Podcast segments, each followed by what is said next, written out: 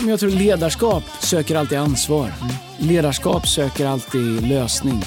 Det är en jättestor skillnad tycker jag om jag pratar till en ledare, om vi har en utmaning och jag pratar med en ledare, då ser jag att direkt i den här ledaren så börjar den tänka, hur kan jag vara en del av svaret?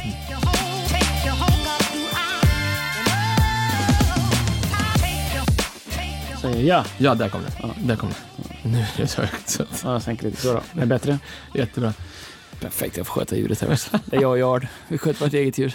Så fruktansvärt högt. Ska jag sänka? Nej, det är bra. Sänk det, det är bra nu. Det är ju, du vet att den här podcasten är den podcast som har högst volym i lurarna i hela Sverige. Jag hör så dö- Jag måste gå och kolla mina öron, för jag, nu, nu när jag går så kluckar det lite i mina öron. jag undrar om inte, jag har någon så här hör, Lina tycker jag hör så dåligt. Ja. Men man har, har man, jag har ju Tänker till- du, har du, tycker du att jag hör dåligt? Ja, absolut. Men på riktigt, men det- nu säger alla det, men Ja. när du pratar att jag Du säger va, men jag talar lite otydligt också. Så Ja, det det kanske, det. Vansinnigt fort. ja, det är bra. Jag har mycket bra och att Lina säga. pratar tyst. Hellre för, hellre för högt än för tyst. Det är som ett handslag. Vet, Det skulle Ja. vi göra en podcast om. Ja, Hur man tar hand. ja Eller hur? absolut. The first impression. Man måste dirr, dirr liksom, Vet trycka till vet lite. vi ska, det ska jag göra en staff om. Mm. Jag, jag hade en undervisning där för the first impression. Mm, ja, precis. Gör det. Det första man kommer in i. Okej, det är avsnitt 12, Andreas. Eller hur? Vi är i mitten på november. Vi har redan börjat. Vi rullar. All right. Ja. First impression. Sådär va? Fearless är hushåll.se mejlar man till om man har frågor. Vi får massor med frågor hela tiden. Vi försöker svara på eh, de mesta vi kan i alla fall. Eh, vi läser allting. Absolut. Eh, så tack för all feedback från förra veckan om drivkraft som vi hade. Och alla som mejlar får inte svar samma dag eller samma vecka, så det kommer. Vi vet om det så fort vi kan. Vi hade ingen aning om att det skulle få sån här stor respons när vi startade den här podden, och, och, och, men vi är tacksamma för det. Verkligen. We're here to help. Andreas, eh, många av de här eh, poddarna vi har har ju sin, liksom, sin rot i en undervisning du har haft eller någonting som du lagt på ditt hjärta som du pratar med vårt staff om, vårt core team om och så vidare. Och häromveckan så pratade du om, eh, pratade du om en sak eh, som du satte titeln på, vad gör mig till en ledare? Vad gör mig till en ledare? Det här är en ledarskapspodd, så vi ska prata om det, göra lite olika punkter. Vi får se hur många punkter eh, vi hinner med, men jag gillar den första punkten, vi får hoppa in i den. Du sa att punkt nummer ett, vad som gör en människa till en ledare, jag leder mig själv. Ja, precis. Jag har funderat mycket på, uh, alltid mycket på ledarskap. Jag tror att, uh, vi har pratat om det många gånger, att ledarskap är alltid problemet och alltid lösningen. Och ehm, jag, jag tror att vi, vi, avsaknaden av ledarskap på så många ställen och i så många situationer gör så mycket med samhället, det gör så mycket med oss. Avsaknad av ledarskap i människors liv, ibland i skolan, på arbetsplatser. Och en del som lyssnar på det här har säkert jobbat i på en arbetsplats där det kanske ledar, din, din, din chef inte var bra, ledaren inte var bra. För grejen är att vi lever lite grann i ett samhälle där vem som helst kan säga att jag är ledare. Men eh, det är ungefär som att vem som helst kan inte säga att jag är ett träd. Och jag vet att 2020 så får man inte säga emot någon som säger att de är ett träd. För om du känner att du är ett träd så är du kanske det. Men hur den är så ett träd är ju någonting. Och det är samma sak med ledarskap. Oavsett vilka roller eller vad vi trycker på våra visitkort, har någon ens visitkort längre? Nej, det- Men oavsett vad vi kallar oss själva. eh, Så ledarskap, det är ju någonting som är på riktigt, som går att ta på, som producerar någonting. Det är inte bara någon hittepå-grej som man kan kalla sig själv för. Och där tror jag så att allt ledarskap börjar med att identifieras i att det leder sig själv. Jag är en ledare om jag leder mig själv.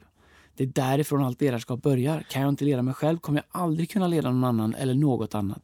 Sant. Men så hur, hur vet man att man leder sig själv då? Jag tror att eh, det, Jesus sa en bra grej, han sa på frukten känner man trädet. Just det. Det är så mycket, det, jag, jag vet inte om det är liksom den här tiden vi lever i eller om det, vissa saker är jättebra, vissa saker är speciella. Människor har rätt att göra sig till vad man vill och kalla sig vad man vill, men faktum är att ett äppelträd är ett äppelträd för att det kommer äpple på det. Ett päronträd är ett päronträd för att det kommer päron på det. En hallonbuske är en hallonbuske för att det kommer hallon. Eh, kommer inga hallon så, så, så är det, då är det bara, inte skrot, men strå. En ledare är ju en ledare för att den producerar ledare. Och en av de sakerna som jag pratade om det var att om man skulle ta dig, eller ta mig och lägga mig i en kopieringsmaskin. Mm. Det som skulle komma ut, är det ledare? Eller vad är det som kommer ut? Um, och jag tror att um, tecknet på att man är en ledare, det är att man producerar ledare. Man reser upp ledare, man tränar ledare, man hittar människor, man identifierar dem, man tränar dem, man skickar ut dem, man förlöser dem, man ser till att um, de kommer ut i det och tar fram det som finns inom dem. Men kan vi inte prata om det lite grann? För jag tycker det är en grym bild det här med kopieringsapparaten och vad är det du liksom producerar. Många ledare tror att de producerar ledare fast de producerar arbetare, människor som bara gör saker. Vad tror du, vad är skillnaden på liksom ledare som producerar ledare eller ledare som producerar arbetare? Nej, men jag tror arbetare, det är ju så att även som ledare så, så, så arbetar man men, men om vi använder den liknelsen så tror jag att eh, att bara sätta massa människor i jobb och tänka att det gör mig till en bra ledare. Att bara skapa massa aktivitet, skapa massa saker som ska göras, skapa massa, eh, massa saker och tänka att jag är en grym ledare för jag sätter massa människor i jobb. Det är du ju inte. Det är ju kanske en bra manager, du är en bra whatever, men som ledare så handlar det ju faktiskt om de här som gör de här sakerna. Vad händer med dem? Vem av dem klarar av att göra det du gör? Eh, inom en viss framtid? Och hur ser målet och resan och processen ut för de som nu gör saker? Alltså målet med varje persons ledarskap borde ju vara att ersätta sig själv. Eh, mitt mål är att när jag är klar så ska det finnas, eh, när vi startade här, det var bara jag pastor, men mitt mål är att när jag är klar, då ska det finnas massa människor som är på samma resa som jag var. Eh, och som kommer kunna göra det ännu bättre, ännu mer. Det är ju på något sätt meningen med livet. Och jag tror när det kommer till ledarskap att reproducera ledare och inte bara göra det. Som görare så ställer du inga följdfrågor. Du, du behöver bli tillsagd, gör det, gör det, gör det, gör det. Jag har haft människor som, som jag ibland har jobbat med som kommer från kanske andra branscher innan de har jobbat hos oss. Vi är en väldigt ledardriven kultur. Vi vill att människor ska kunna leda sig själva, vi vill att människor ska kunna ta initiativ, att de ska kunna, vi säger fill the, uh, find the gap and fill it, mm. uh, eller find the need and fill it. Um, men ibland har vi har kanske anställt människor eller haft uh, nyckelvolontärer som kommer från en bakgrund där man är van att varje dag få en arbetsorder. Idag ska du åka dit och du ska göra det här. Och när du har gjort det, då ska du ringa mig och ska, ska fylla i den här rapporten och sen så är din dag slut. Har man levt i ett sånt mönster um, så, så, och kommer in i en ledardriven kultur där du faktiskt måste leda dig själv du måste driva dig själv, du måste sätta upp dina egna mål, du måste lösa dina egna obstacles för att kunna genomföra det du ska göra. Um, har du inte gjort det innan så kan man bli paralyserad eller så vilja göra mycket mer och känna att jag får inte ut någonting. Men, men då, då måste man lära sig att leda. Så en av de sakerna du pratade om Andreas, det var liksom en ledares respons i den här kontexten. Alltså skillnaden på en ledares respons och på liksom en arbetare, en doers respons. Kan du inte prata om det? Jag tror ledarskap söker alltid ansvar. Mm. Ledarskap söker alltid lösning. Det är en jättestor skillnad tycker jag om jag pratar till en ledare, om vi har en utmaning och jag pratar med en ledare, då ser jag att direkt i den här ledaren så börjar den tänka, hur kan jag vara en del av svaret? Mm. Hur kan jag vara en del av lösningen? Därför det är en ledares respons. Medan någon som bara hjälper till, eller vad vi ska kalla det, kommer säga, någon borde göra det här. Jag skulle behöva någon som gör kan någon av er göra? Vem kan hjälpa mig med? Inte fel att behöva hjälp, men någon som inte tänker är wired som en ledare eller som leder, de kommer alltid tycka att någon borde göra, någon borde hjälpa, någon skulle, borde ha sagt till mig, jag borde ha fått mer av det, hade jag bara haft det. Men man ser när man pratar om en utmaning med en ledare att deras första go-to är, hur kan jag lösa det här? Hur kan jag skapa lösningar? Hur kan jag skapa, hur, hur kan jag skapa förändring? Vad kan jag göra i det? Och det är det som är skillnaden. Och uh, Um, kanske därför som inte alla är ledare. Jag tror att alla människor kan vara ledare på olika nivåer och på olika sätt. Men jag tror att alla människor har ledarskap i sig. Det låter ju som att när du pratar nu, som att det är liksom i, den, i det finstilta egentligen, detaljerna, dels hur ledaren ställer frågan till dem, de ledarna som han försöker, eller hon försöker resa upp då, men kanske också ledarens respons. Vad gör du när du känner att du inte får en ledarrespons, utan när du ber någon göra någonting, ta ansvar för någonting och de säger jag kan inte göra det, eller de kommer tillbaks med det säger jag vet inte, jag ska lösa det här, eller dumpar det tillbaks i, liksom, i ditt knä. Vad gör du då för att liksom utmana för en ledare tar ju ansvar, precis som du pratar om. Ja, precis. Nej, men jag tror att eh, lite beroende på situationen. Jag, jag personligen är för att skicka ut människor på lite för djupt vatten. Jag tror att det finns något bra i att lära sig att simma medan man håller på att drunkna. Eh, har du inte börjat innan så kommer du börja försöka koordinera dig. Och eh, du vet, det finns bara så mycket som du kan träna på stranden. Men till slut så måste du ut där du inte bottnar för, för, att, liksom, eh, för att det ska bli skarpt läge. Och eh, jag tror att en av de sakerna som jag alltid försöker göra och har försökt göra det är att liksom trycka ut människor på djupt vatten innan de kanske fullt ut är redo för att de själva ska upptäcka att de har det i sig. Och göra det trögt för människor och säga min simning funkar inte så bra om nu ska jag använda den bilden. Kan någon komma och hjälpa mig? Så försök att min respons ska vara nej, lär dig att simma istället. Uh, fokusera på, på att få tryck i din egen simning. Och jag tror att eh, Så ibland så behöver man bara utmana människor, pusha tillbaka dem ut på djupvatten. Ut, lös det här, det här är din utmaning. Jag hör vad du säger, förstår att det här är ett problem. Det här löser du. Uh, och ibland så kan man, jag är övertygad om att människor som jag leder lite nu har tyckt att det, det där är orättvist och han förstår mig inte eller han ser inte hur stort problem det är. Grejen är så att jag har också känt så många gånger, jag har också ledare. Och när jag själv har vuxit sen eh, så har jag insett, jo de förstod hur stort problemet var. Det var bara att min ledares perspektiv då av hur stort problemet var var mycket mindre än vad det var för mig där jag var där och då. Då var problemet mycket, mycket större.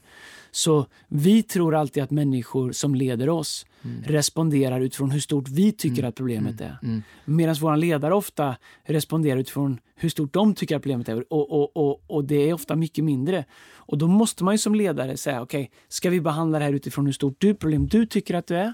Mm. Eller ska jag hjälpa dig att överkomma det så att du förstår att det här är inte så stort problem?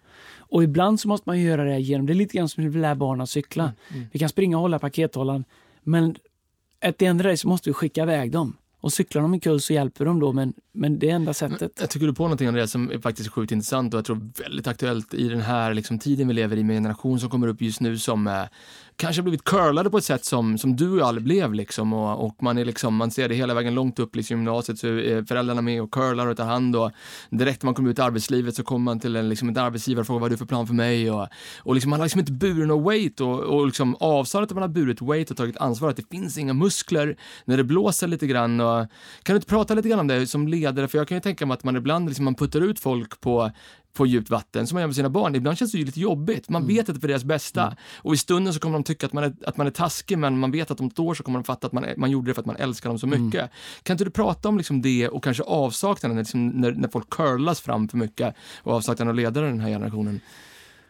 Jag tror så här att alla ledare brottas med om du, om du är en ledare, då har du betalat ett visst mått av pris för att lära dig saker, för att komma över saker, för att lära dig bära weight, olika saker. Och jag kan ofta känna att ah, men jag vill göra lättare för dem jag leder mm. än vad jag hade det. Men så inser jag om jag gör det så tar jag bort någonting ifrån dem. För det är det jag har gått igenom som har hjälpt mig att göra mig till den jag är. Det är de saker jag var tvungen att överkomma, de berg jag var tvungen att klättra i, de, de, de, alla utmaningar som jag har haft. Visst, jag, oj, jag håller på att riva stället här. Jag var exalterad. Jag har fått bra hjälp på vägen, jag har haft bra folk runt omkring men, men det har funnits ganska många saker som man faktiskt får ta, ta sig igenom själv och som gör att man växer. Och jag tror ibland så, utav snällhet, så tänker vi att det där ska inte mina barn behöva göra själva. Eller det där ska inte mina anställda behöva göra. Det där ska inte de jag leder behöva. Och så, så, så fortsätter man curla. Men, men en del av en ledares resa är ju faktiskt att vi som ledare säger mm, ja, det där är en utmaning. Det där löser du. Lycka till. Hör av dig om du behöver hjälp. Uh, men om, om, om, vi tar bort det från människor. Uh, eller om vi bara säger hej kom och var med mig, led mig, jag kommer göra allt så enkelt det går för dig. Och vi, du vet, så här, vi, vi säljer någonting där vi inte, det, där liksom, det ska vara så lätt som möjligt. Det är ju tension. Uh, för alla oss som gillar att göra stora marklyft på gymmet. det är där musklerna byggs, de det stora, absolut. Ja, det, ja, men det är ju, det är ju vikterna, som, alltså motståndet i vikterna som skapar tillväxt i musklerna. Och grejen är så här, ibland måste man lasta på folk. Alltså inte för mycket, men mer ibland än vad de tror är rimligt. För att de själva stretchar till det. Det är det ena. Det andra, det är ju faktiskt att eh, eh, som ledare så är det ditt jobb att se mer i människor än vad de ser i sig själva. Exakt. Så om jag bara leder människor utifrån vad de ser i sig själva så kommer jag aldrig kunna hjälpa dem att bli större. Jag kommer aldrig kunna hjälpa dem att växa. Jag måste leda dem utifrån vad jag ser i dem. Och då kommer det finnas en diskrepans, diskrepans mellan vad de ser i sig själva och vad jag ser i dem. Och det jag begär av dem eller ber av dem kommer vara mer än vad de tror är rimligt. Och då kommer de här känslorna. Det är inte rimligt. Det här är, hur kan han ställa så stora, ha så höga förväntningar på? Hur kan han ställa stora krav? Bla, bla, bla, bla, bla. Eh, men det är ju det är det som kommer göra dig till ledare. Men kan du inte prata om det då? Alltså, i din relation till pastor Brian, jag tycker det är intressant och eh, jag vet ju hur hur han är. Jag vet att någon gång när jag var nere i Sydney och kände mig lite jetlaggad och trött och hade, hade lett lovsång och predika på typ fem, sex möten. Och sen så flög jag ner till Sydney, så kom jag ner och så frågade pastor Brian mig hur det var, så berättade jag att jag var lite trött och då bara tittade han på mig och så sa han så här, it's a small price to live in a big world. Så han liksom, jag vet inte därifrån tänkte jag, han känner ingen empati liksom för, för mig. Kan inte du prata om liksom, hur du exponeras för den typen av ledarskap också? Ja, men helt ärligt, man kan ju säga um, ja, men det är en del av det vi gör. Liksom. Det, det, vi lever stora liv och ibland intensiva liv. Och, um, man, må, man jag tänker så här, jag måste ju inte göra det. Jag kan göra mitt liv mindre, enklare, bekvämare. Men frågan måste jag ställa mig själv, då, lever jag då till min potential? När blev målsättningen med livet att det ska vara bekvämare? Att det ska vara enklare? Här är ju superintressant. Jag pratade med en god vän som heter Anders Alenius igår. Uh, shoutout till Anders. Ja, shoutout till Anders. Han lyssnade. Enda dåliga med att han håller på Brynäs. ja, det, det bra. Det, är första gången du är överens. Hur någonting. kan det gå så snett för en sån bra kille? Ja, nästan allt gör han rätt. Ja. Det kunde varit värre. Han kan ja. hålla på Djurgården. Men Anders, pastor i många år, duktig ledare, jobbar med ledarskap.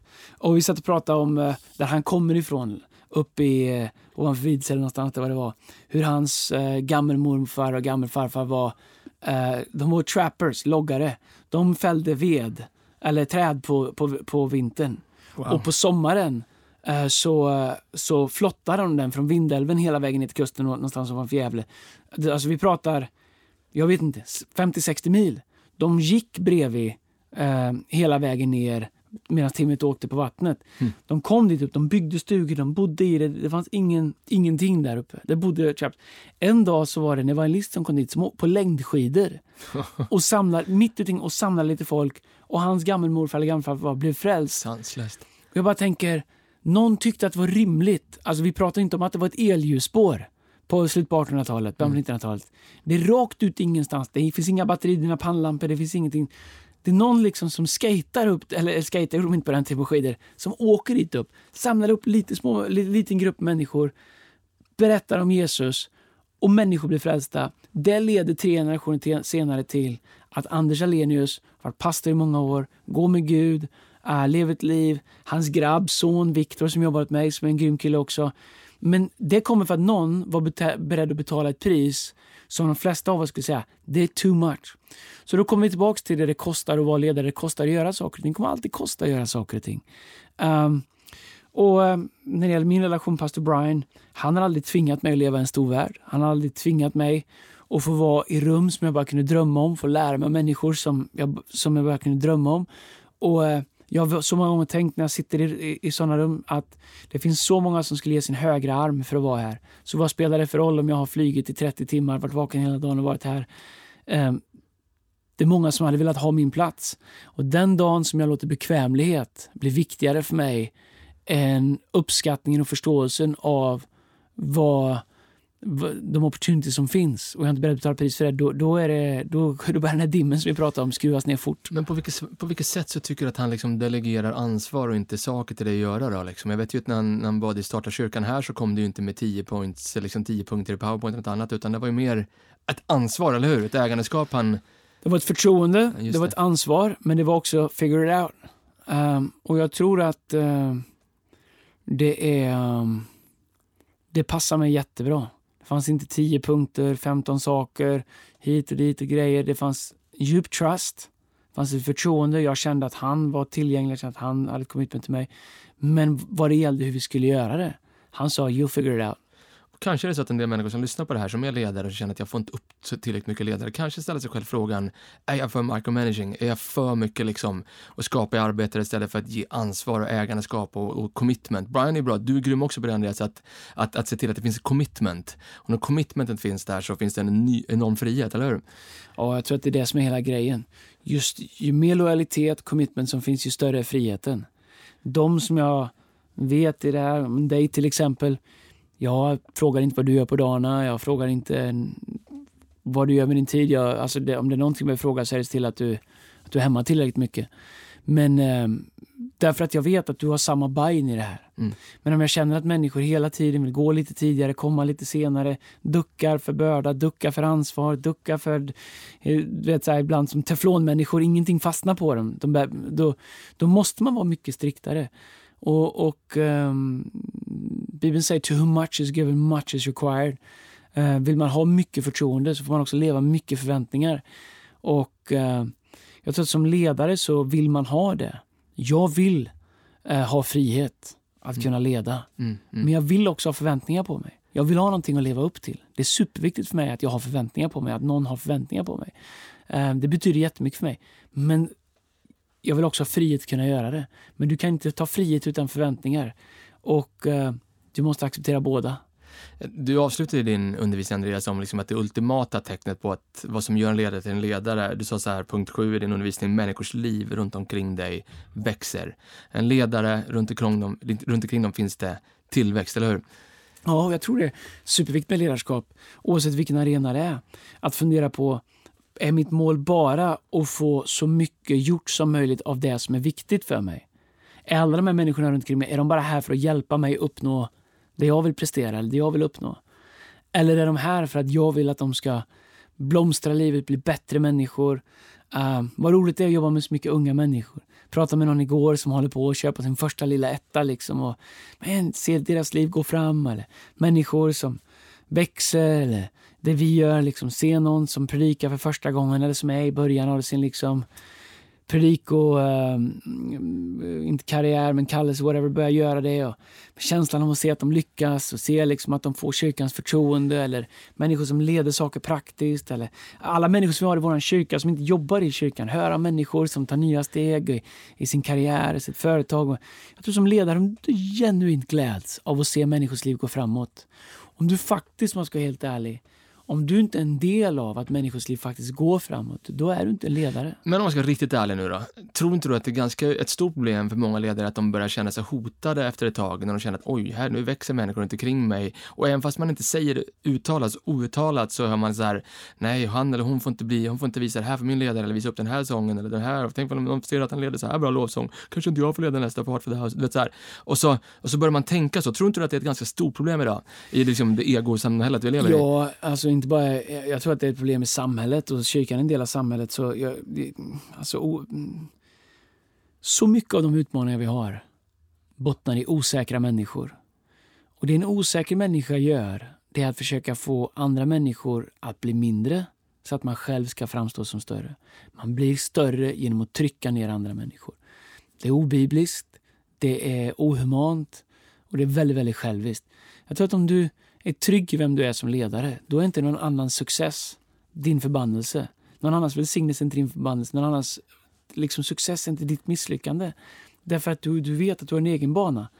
Och eh, jag... Eh, I men jag, har, jag har många svagheter, men jag, jag känner mig inte hotad. Jag känner mig genuint glad när jag ser att, att eh, det går bra för andra människor, men jag har sjukt svårt eh, att relatera till människor som hela tiden känner sig hotade och som hela tiden vill mäta sig med andra.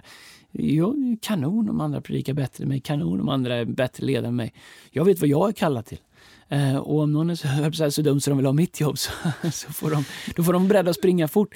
Så jag tror att som ledare, när du, när du, så fort du kan komma till en punkt där du kan glädjas åt andra människor utan att tappa din egen eh, auktoritet eller din egen frihet eller din egen, liksom, ditt eget självförtroende. För du, en ledare som inte leder utifrån en place of security som inte leder ut från en plats där du är trygg. Det, det, det är ingen ledare som människor vill vara runt länge. Fast du kan ju se det ganska mycket nu, vi blir riktigt vassa nu då. Du kan ju se ganska mycket människor som är ledare i kristen kontext och som är egentligen helt full av themselves. Och allt ja. du ser på deras Instagram är preaching quotes och en video till och en bild till på mig själv. Och på något sätt så är det liksom pelare som ska modellera för andra ledare, Guds hus runt om i Sverige och andra ställen, berätta så här, det här är vad det var en ledare. Så det är det någonting som människor ser. De får följa någon som lägger upp en bild till på sig själv, en preaching-klipp på sig själv och så vidare. Och det är klart att det är det som vi kommer också skapa, eller hur? Ja, jag vet inte ens om jag kan gå in på det. det, är för en, eh, men jag, jag, är, jag är super eh, ambivalent och väldigt eh, runt omkring hela den här egotrippen. Jag tycker att det blir extra stort när det, när det, när det kommer till kyrkan, när det kommer till kristna ledare och till andra liksom eh, mm, världen behöver inte en selfie till eller en film på sig själv till. Eller, det, det, och jag vet att vår kyrka lägger upp bilden jag predikar men eh,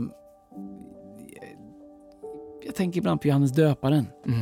De ville hissa Johannes döparen. De ville liksom, Johannes döparen säger nej men ni, ni fattar inte. Jag är inte ens värdig att knyta upp sandalerna på han som kommer. Ni, rikta ingen spotlight på mig. Men jag tror att om du vill misslyckas som ledare fort, se till att ta den stora spotlighten och rikta den bara på dig själv. Det är det snabbaste sättet att bli ensam. Uh, därför att uh, jag inser att människor inte följer mig på grund av mig.